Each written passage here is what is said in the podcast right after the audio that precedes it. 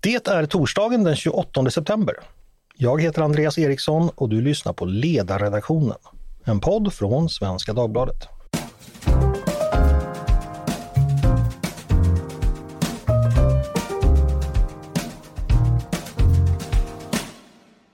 Varmt välkomna! Vi har en blodig kväll och natt bakom oss. Ni känner säkert redan till alla de senaste dygnets dramatiska händelser. Igår kväll vid sjutiden öppnades eld på en idrottsplats i södra Stockholm och en ung man sköts ihjäl med flera skott. På platsen fanns det stora mängder barn och ungdomar som var där och tränade som fick fly för sitt liv. Sent igår kväll sköts ytterligare en gång, den här gången i Jordbro söder om Stockholm. En person skadades och en person avled.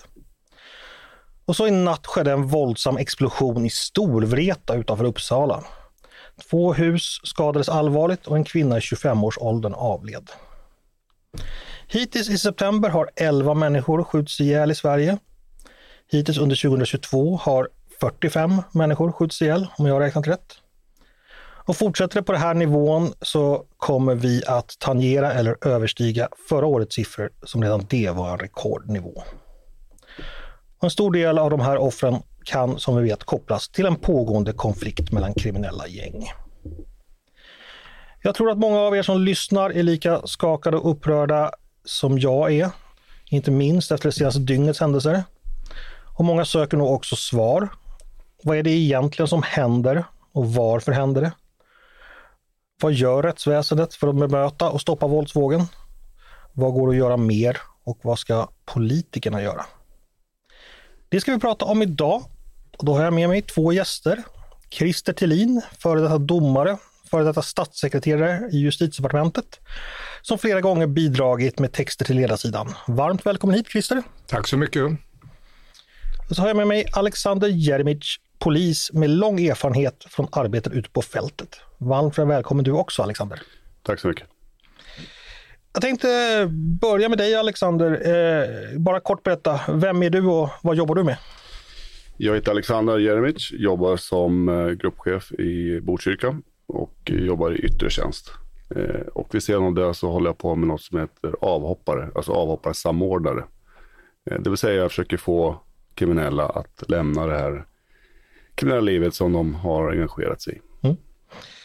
Eh, rent generellt, den här vågen av gängvåld vi har sett under året, hur har det påverkat ditt jobb? Eh, många kollegor har tvingats eh, kommenderats in till olika utredningar. Eh, utredningar som kräver mycket resurs, det vill säga folk från yttre tjänst hamnar inne på inre tjänst eh, för att utreda de här grova brotten som, som sker just nu. Eh, och eh, ja, det är väl det som vi ser mest, plus att vi ägnar oss åt ganska mycket trygghetsskapande insatser, men även jobbar så mycket det går i de här förundersökningarna som, som det dyker upp eh, ärenden som, som för oss vidare framåt. Innebär det här att ni måste prioritera om ert jobb, att eh, gängvåldet tar tid från annat helt enkelt? Ja. Du, eh, hittills i år, fram till den 15 september, eh, har nästan 300 skjutningar inträffat i Sverige. Alexander, när man är polis och man åker på sånt här larm då man vet att skott avlossas, eh, vad tänker man på då? Vad är det man prioriterar? Vad, vad, vad går jobbet så att säga ut på då, när man är, ska till platsen? Som insatsledare, som jag är ibland, så är första direktiven är ju rädda liv. Eh, säkra platsen, rädda liv eh, och sekundärt kommer ju då säkra förundersökningen. Vad innebär det? Säkra förundersökningen kan vara att vi spärrar av ett stort område. Eh, vi försöker få in så mycket vittnen som möjligt, eh, säkra bevis, kameror eh, och annat som, som finns. Så, men initialt är det alltid att rädda liv. Mm. Du, jag förstår ju att du kanske inte är insatt i enskilda utredningar, men kan du säga något generellt? Hur går arbetet mot gängvåldet? Ja, det är extremt ansträngt på alla håll och kanter. Själva förundersökningarna eh, kan jag inte berätta så jättemycket om. Eh, men eh, sakta, sakta framåt. Men som sagt, det är ett oerhört ansträngt läge på utredningar just nu. Mm. Innebär det att ni enskilda polismän får jobba mer och längre och hårdare? Alltså på, på Ja, eh, vi har ju ganska mycket övertid eh, på många medarbetare. Jag skulle tippa på att man ligger kanske på snitt Stockholm 200-250 timmar övertid redan. Eh, vilket är ungefär 20 30 dagar extra man jobbar. Eh, så den här rast och vila som vi brukar kalla för, den blir bara mindre och mindre och mindre. Jag tror personligen själv jag ligger på 220 timmar. Mm. Vi ska flytta över till dig Christer. Eh, när du hör Alexander berätta, eh, är det något som överraskar dig den, i den bilden eller känner du igen den? Ja, jag är inte så bekant med vad ska jag säga, det polisoperativa arbetet ute på fältet. Min erfarenhet. Men låter, låter det, du, låter det ja, rimligt? Alltså, jag är full av beundran för de poliser som är vid fronten så att säga och är ute och gör det nödvändiga fältarbetet. Eh, jag tycker att vi ska vara glada över att Alexander och hans kollegor arbetar så hårt som de gör. Det trista är att det har, behöver bli och vara på det här sättet. Det är det som är utan motstycke egentligen och det är det man kan beklaga. Det är ju så att adjektiven tar nästan slut mm. hos uh, poliser och politiker att beskriva den situation vi har hamnat i. Och det, det är ett mycket trist konstaterande. Så är det ju. Just nu vänder sig många till politikerna, framförallt till regeringen och ber dem att göra någonting för att lösa den här akuta krisen. Christer, vad kan regeringen göra? Ja, jag tror att fokus måste flyttas eh, rätt så mycket på de straffrättsliga, från de straffrättsliga och straffprocessuella reformerna. De är viktiga i sig. Men viktigare är ändå att se till att polisen fungerar på ett annorlunda sätt än den gör idag. Och utgångspunkten är den att den bästa brottspreventiva funktionen som finns, det är att ha tillräcklig och uthållig polisnärvaro i lokalsamhället. Och det är någonting som vi har tappat bort under resans gång.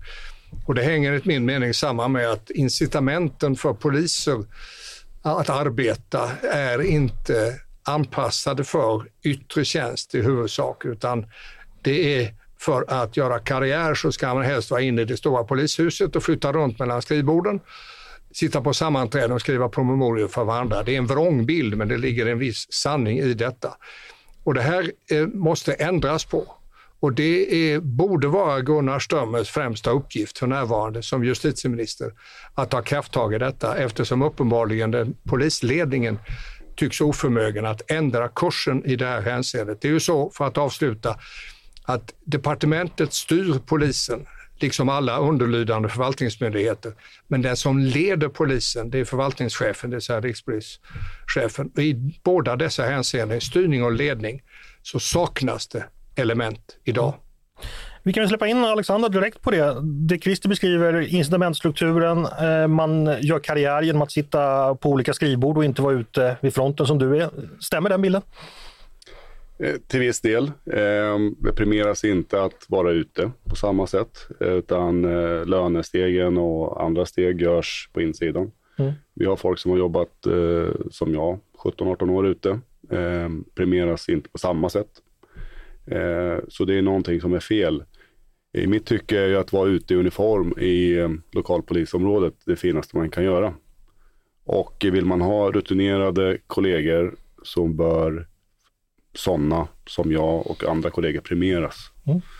För att det tar ett tag, jag ska säga, från att man skickar in ansökan till polisskolan tills man blir en bra polis, ungefär fem sex år. Eh, och eh, många är väldigt snabba på att försvinna in. Mm. Får jag lägga till där att jag tror att det är ungefär den tidsperiod det tar för att lära känna ett lokalsamhälle också. För att göra nytta. Det är inte bara närvaron. Jag är inte ute efter att säga att vi ska ha en snut i varje knut, för det kommer resurserna inte att lägga till. Men att vara i lokalsamhället, områdespolis, kräver att du har kunskap om det samhället så att du kan samverka med skola och socialförvaltning. Och för att lära känna ditt lokalsamhälle så tar det också 5-6 år. Mm, Okej, okay, så vi har vissa ledtider. Men där har vi i alla fall någonting att göra. Eh, jag ska fortsätta med dig med en annan fråga Christer. Eh, jag tittar runt på mina sociala medier just nu. Då ser jag förtvivlade kommentarer från där människor i exempelvis egenskap av föräldrar skriver att mina barn var just där. Eh, man söker förtvivlat över någon typ av krafttag. En del verkar till och med vilja diskutera undantagslösningar är, finns det sådana lösningar och är det, är det alls realistiskt att tänka i sådana banor? Hur skulle det gå till? Vad, vad säger du som, som jurist? Ja, i mitt perspektiv är detta ett villosvår. Jag kan i och för sig förstå frustrationen bakom den här önskan med krafttag, att vi borde göra någonting. Om man tänker sig till exempel att polisen talar om, och det återges av medierna, att vi har 30 000 gängkriminella. Ja, det låter sig inte göra att fånga in alla dessa 30 000 och sätta dem i, i fängsligt förvar utan vidare. För vi har rättssäkerhetskrav som gör att varje individ måste behandlas enskilt. Vi kan inte göra som i Chile under Pinochet, att upplåta idrottsstadion där vi förvarar de här infångade. Det funkar inte så. Inte heller är den lösning som El Salvador så att säga förevisar någonting att önska sig. Och faktum är att i Sverige har vi inte undantagslagstiftning. Det finns i många andra länder. Det vill säga att regeringen kan förklara att nu är riket ute i en sådan eh, nödsituation att vi måste suspendera en hel del av de vanliga rättigheterna och då utlyser man undantagstillstånd. Det kan vi inte göra i Sverige.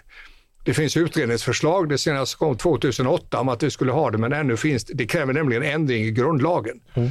Så det är därför jag säger att talet om undantagstillstånd är både felaktigt och ett villospår. Jag kan ju här föra in en liten parentes att det faktiskt i samband eh, med Hans Holmers eh, roll som spaningschef i Palmeutredningen eh, diskuterades att ett stort tillslag skulle göras då Stockholms stadion skulle användas skulle användas som uppsamlingspunkt, men mer historiskt bevandrade och kanske mer omdömesgilla kollegor till Holmer avstyrde detta. Eh, Christer, en mängd straffskärpningar har ju genomförts. Du säger att de är viktiga, även fast inte de kommer eh, lösa allt. Och en mängd nya straffskärpningar är på gång. Eh, vad finns det att säga om det? Hur, hur långt på vägen kan vi komma med att eh, låta folk sitta i fängelse längre? Jag tror för det första att man måste vara klar över att ledtiderna när det gäller seriösa reformer, både på straffrättens område och straffprocessens område, är långa. Det går inte att åstadkomma någonting på kortare tid än från en utredning till gällande rätt på under två år. Det normala är tre år.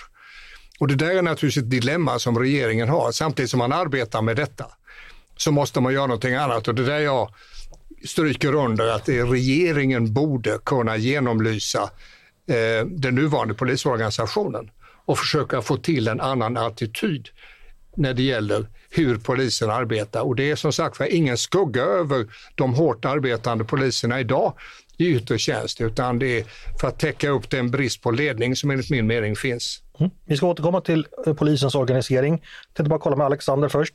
Straffskärpningar har genomförts, fler är på gång. Eh, behövs ytterligare, tänker du? Och vilken roll spelar de? Ja, vi har ju en narkotikastrafflag som är ny från eh, i somras, eh, överlåtelse, eh, att innefatta sig med narkotika. Den har vi börjat köra. Eh, det är ju de personerna som, jag brukar säga att det finns 99,5 procent väldigt, väldigt bra människor ute i våra områden. Men vi har den lilla halvprocenten som, som förstör ganska mycket och det är de som vi vill jobba bort. Eh, de hanterar mycket narkotika. Eh, det brukar ju vara en väldigt fråga gällande cannabis. Så brukar man prata om att man ska legalisera vissa delar. Men det är inte bara det de sysslar med. Oftast är det utpressningar och ganska fula brott i övrigt. Eh, men våra näringsidkare vågar inte stå emot de här och många hotar om att de ska säga upp sina kontrakt och, och i de olika centrumanläggningarna. Så det är den här lilla klicken som vi vill ha hjälp med att få bort. Mm. Och det är inte många det handlar om. Om vi nu tar där jag jobbar, Fittja Alby, så kanske vi har i Fittja 10 till 20 personer. Mm. Vi vet precis vilka de är. Eh, där skulle jag vilja önska någon form av lagstiftning som, som gör att eh, de får påföljder som är hårdare än för gemene man. Mm. Så de är borta från samhället ja. ett längre tag? Ja, och inkapacitering eh, tycker jag är bra i det här eh, fallet. Mm. I övrigt då, eh, från ditt perspektiv, ifall du vill vända dig till, till era uppdragsgivare, vad, vad behöver polisen i övrigt? Befogenheter, resurser, hur, hur tänker du kring det? Absolut, vi, vi är ju få. Eh, man säger väl, nu kan jag inga siffror exakt om, men vi är få så jag skulle önska, önska flera.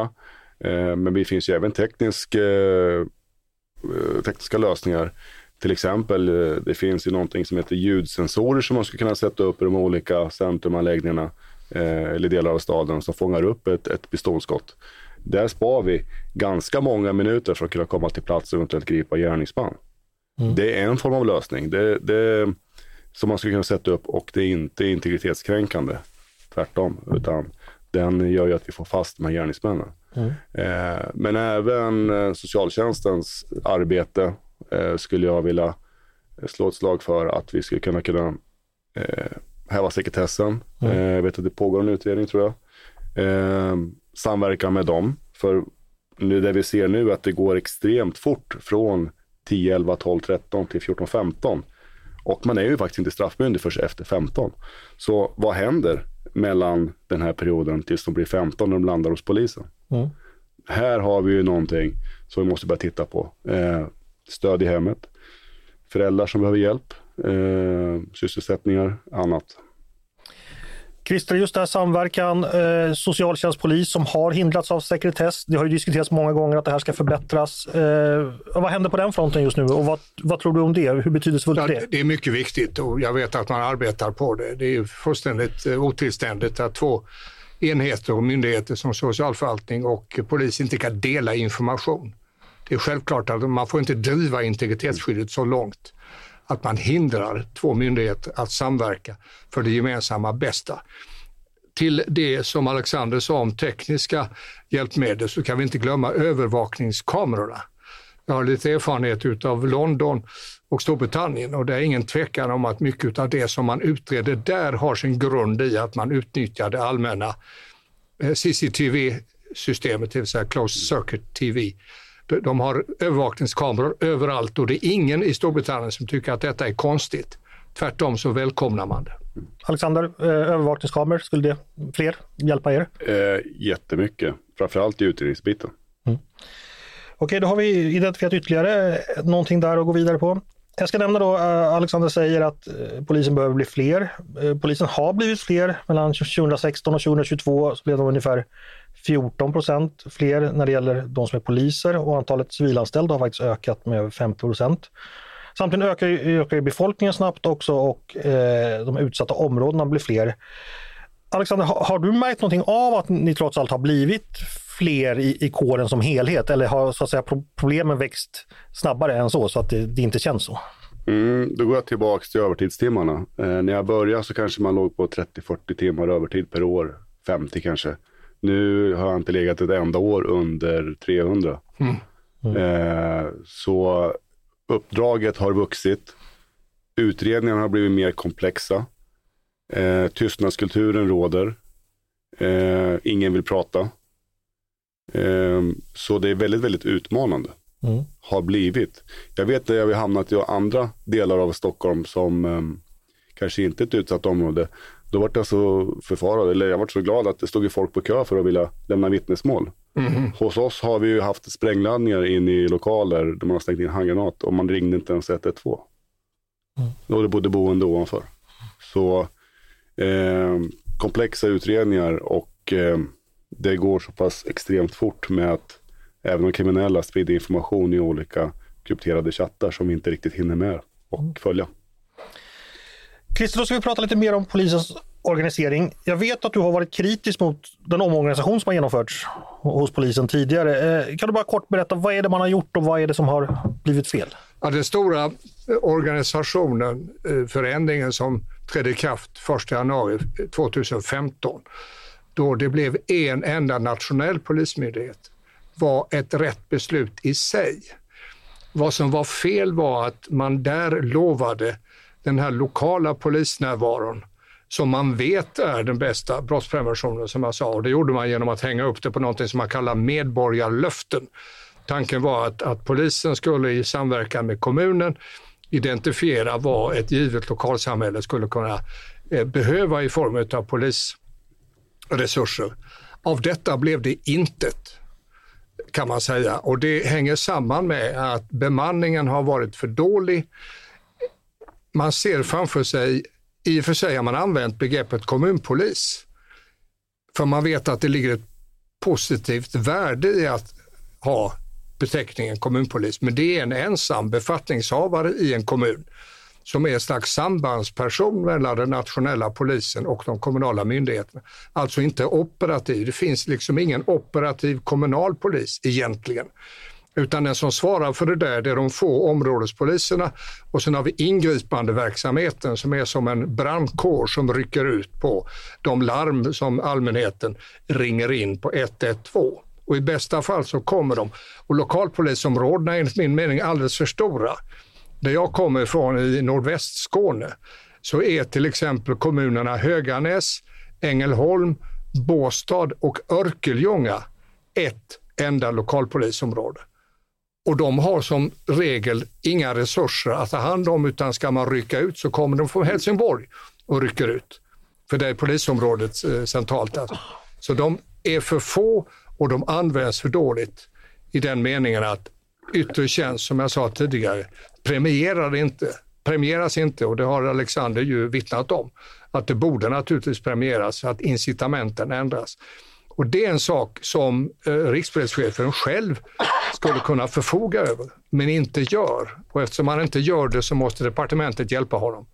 Och det är därför jag har förordat att man genomlyser organisationen och lägger till Riksrevisionens kritik om hur det fungerar, Statskontorets kritik som, och Brås slutsatser om hur det fungerar eller inte fungerar, så skulle man kunna göra en genomlysning som man sa, som skulle kunna hjälpa polisen att få den här lokala förankringen som är A och O i det preventiva arbetet. Alexander, hur märker man, eh, ni som jobbar inne i organisationen, de eh, organisationsförändringar som Christer beskriver? Har ni märkt av dem och i så fall på vilket sätt? Ja, men det var lite som jag sa i början, att, att folk får eh, bli dragna på olika eh, andra jobb än att vara kvar i sitt lokalpolisområde. Eh, man hamnar, man stöttar upp i andra områden, eh, utredningar. Nu har vi även en förhöjt terrorläge. Eh, jag senast var ute i, eller var inne i city och jobbade extra i lördags och eh, vi hade synlighet eh, på Drottninggatan och Regeringskvarteren eh, ja, istället för att jobba i mitt egna område. Eh, så många gör annat än vad de ska vara lagda att göra. Så är det. Eh, lokalpolisområdena, är de för stora? Eh, ja, men jag är in, Christer är inne på någonting och det är, alltså, reformerna har ju skett flera gånger. Vi har haft kvarterspolis, närpolis, poliskontorspolis, områdespolis nu. Det är ju i grund och botten ett och samma uppdrag. Eh, och det gäller ju att vara nära medborgarna. Eh, I de här där jag jobbar så finns det vissa då som kanske vill ha sin polis och eh, kunna prata med vissa personer. Eh, och då är det viktigt att de har ansikten de känner igen som återkommande. Men även som polis är det viktigt för mig att veta vilka jag har att göra med. Och vilken av de här, som jag sa förut, vi har ju en halv procent som vi vill jobba bort. Men vi måste ju fokusera på de goda människorna för att kunna lyckas få bort dem som vi vill låsa in. Mm. Eh, Socialdemokraterna, Magdalena Andersson har varit ute idag och hon vill att militär ska kunna bistå polisen. Det är ett förslag som har dykt upp från olika håll tidigare. Eh, jag vet inte vilken realism det finns i det här. Alexander, vad säger du? Skulle försvars Försvarsmakten kunna bidra någonting till, till ert arbete tror du? Svårt att förstå vad de ska göra ute i, i förorterna. Men eh, som, som jag sa, jag var inne och eh, vandrade runt in i stan med min MP5 i helgen. Det är väl eh, ett bra exempel på där de ska kunna utöva synlighet, eh, militären. Jag behöver inte vara där inne, det kan de göra. Alltså patrullerande militär på gatan? Ja, skulle man kunna ha. Christer, vad tror du om det? Är det en meningsfull väg framåt? Nej, jag är inte en anhängare utav, jag tror inte vi har nått dit där vi behöver så säga, ha militärt stöd för att polisen ska kunna utföra sin uppgift. Däremot ligger det naturligtvis en del att varje uniformerad närvaro i lokalsamhället skapar någon slags trygghet. Att då invånarna då kanske inte bryr sig om om det är en militär uniform eller en polisuniform. Men för mig är det viktigt att det är polisen som ska svara för ordningshållningen och inte militären. En annan som uttalar sig, det är en känd polis, eller tidigare polischef, Karin Götblad. Eh, hon sa igår eller förrgår att medborgarna skulle sluta titta på tv och eh, ge sig ut och hjälpa till själva. Jag förstår inte exakt med vad, men hon jämförde med nykterhetsrörelsen. Christer, vad tänker du att vanliga medborgares bidrag skulle kunna vara? Det är klart, alla har ju ett, ansvar för samhället. Men... Jag, tror, jag tror där att det dunkelt sagda, det dunkelt tänkta, eller omvänt så att säga. Det här leder ju mer till frågor än svar. Är det, man ser ju i förlängningen faktiskt möjligheten till medborgargarden som ligger i detta att hela samhället ska mobiliseras. Det är ungefär som rikspolischefen talar ibland om att hela samhället måste hjälpa till. Det är ju den vers som också Karin Götblad sjunger efter. Men hon har en poäng. Jag läste en intervju med henne i Dagens Nyheter idag där hon konstaterar att mycket av hennes förslag som hon förde fram 2008 har inte förverkligats. Och då nämner hon det här med den lokala närvaron. Hon uttryckte det i form av lokalpolisstationer som inte blev av så att säga. I den mån de inrättades så avvecklades de så fort som möjligt. Så hon är inne naturligtvis på ett viktigt spår. Men det är bara att beklaga att hon trots sin långa tjänstgöring och sin centrala position i den nuvarande polisorganisationen inte har förmått bättre. Alexander? Ja, eh, det har jag lyft flera gånger. Eh, avsaknaden av vuxennärvaro i områdena. Det är väldigt sällan vi ser vuxna som är ute i områdena bland de här ungdomarna. Barn och ungdomar skulle jag vilja säga. Eh, det finns något ordspråk, jag vet inte exakt hur det låter, men i stil med att det krävs en hel by för att uppfostra en person. Takes away Lich. Eh, och då är det, som jag ser det, de som möter de här är polis och till viss del fältare. Men var är alla övriga? Mm. Mm. Ja, vad är de? Eh, de kanske är rädda för att gå ut. Eller så, ja. Ja, det är ju deras barn. Ja. Men kan det inte ha varit, för nu var, ju, nu var du lite kritisk mot Karin Götblad, men vad hon menade kanske var just den här typen av farsor på stan, nattvandrare, grannsamverkan mot brott. Det finns ju exempel på lyckade mm. sådana saker. Alexander, det är väl ändå någonting som bidrar till arbetet? Ja, eh, vi brukar prata om olika aktiviteter i centrumanläggningarna och här är det väldigt viktigt att inte bara polisen gör aktiviteter utan även fältare, kyrkor, moskéer, eh, föreningar, nattvandrare, you name it. Det är vi som ska äga de här centrumen tillsammans. Det är inte tvärtom. Eh, och där tycker jag, liksom att, eh, nu pratar jag för Botkyrka som jag jobbar där, vi är på hyfsat god väg. Vi jobbar på. Men vi når inte riktigt, riktigt, riktigt hela vägen fram. Mm. Hörrni, vad alla pratar om det är förstås det förebyggande arbetet. Det är lätt att förstå att det är viktigt. Eh, det är lika svårt att förstå exakt hur det ska gå till. Eh, vi talar om sociala miljöer som omfattar hundratusentals personer. Då ändrar man kanske inte i en handvändning. Eh, Christer, när det gäller det brottsförebyggande arbetet, vad skulle du säga är de viktigaste faktorerna där för att det ska bli lyckosamt? Jag har redan nämnt det. Va? Alltså det när man talar om brottsförebyggande arbete så tänker man på skola och man tänker på socialförvaltning eller på det civila samhället i stort, va, som Alexander eh, var inne på. Men det avgörande brottsförebyggande arbetet som är validerat i forskningen, det är som jag har sagt tidigare, tillräcklig och uthållig polisnärvaro i lokalsamhället. Alltså redan den omständigheten att polisen finns där är den bästa brottsavhållande effekten. För att då har vi en upptäcktsrisk som gör att brotten inte begås. Och den bästa brottsbekämpningen är naturligtvis att ha en situation där det inte begås några brott överhuvudtaget. Och det, det krävs en kombination av två saker. Dels att det finns tillräckligt med polisresurser. Och där har vi långt kvar. Vi ligger långt under europeiska snittet på två poliser per 100 000. Eller tre, tre poliser per 100 000. Vi har två. Så vi har långt mm. kvar att komma upp till detta. Men sen är det då hur de arbetar. Och det är det jag har upprepat gånger sagt att det måste vara en, en stationär polis i ett givet eh, eh, lokalsamhälle och tillräckligt länge för att de ska kunna lära känna invånarna i det lokalsamhället och samverka med, med kyrka, eller förlåt, eh, skola och socialförvaltning. Det ser Kristus som den viktigaste faktorn i det brottsförebyggande arbetet. Håller du med Alexander? Ja, med många punkter håller jag med.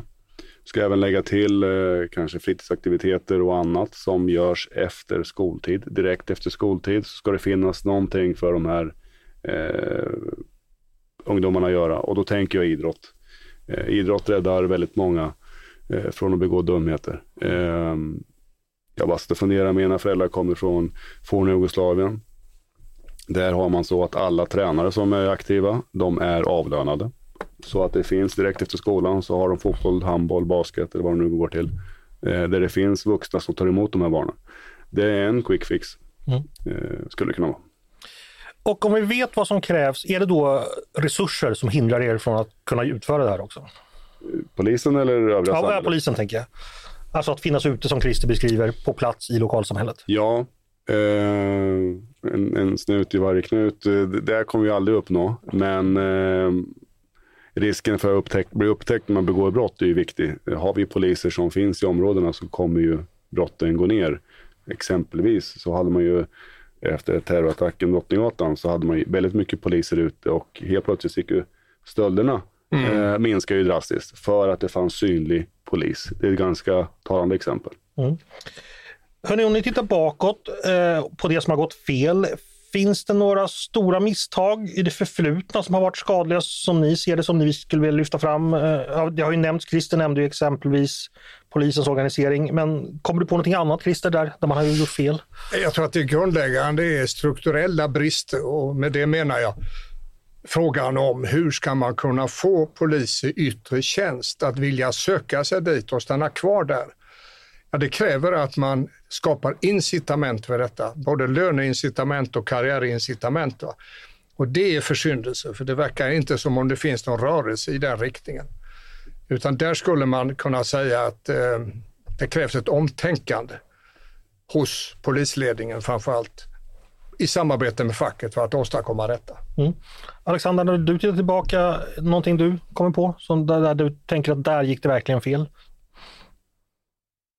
Oj, ja, det, är så, det är så mycket. Ja, det är så mycket och vi ska ju backa så många år. Men eh, eh, ska vi säga så här.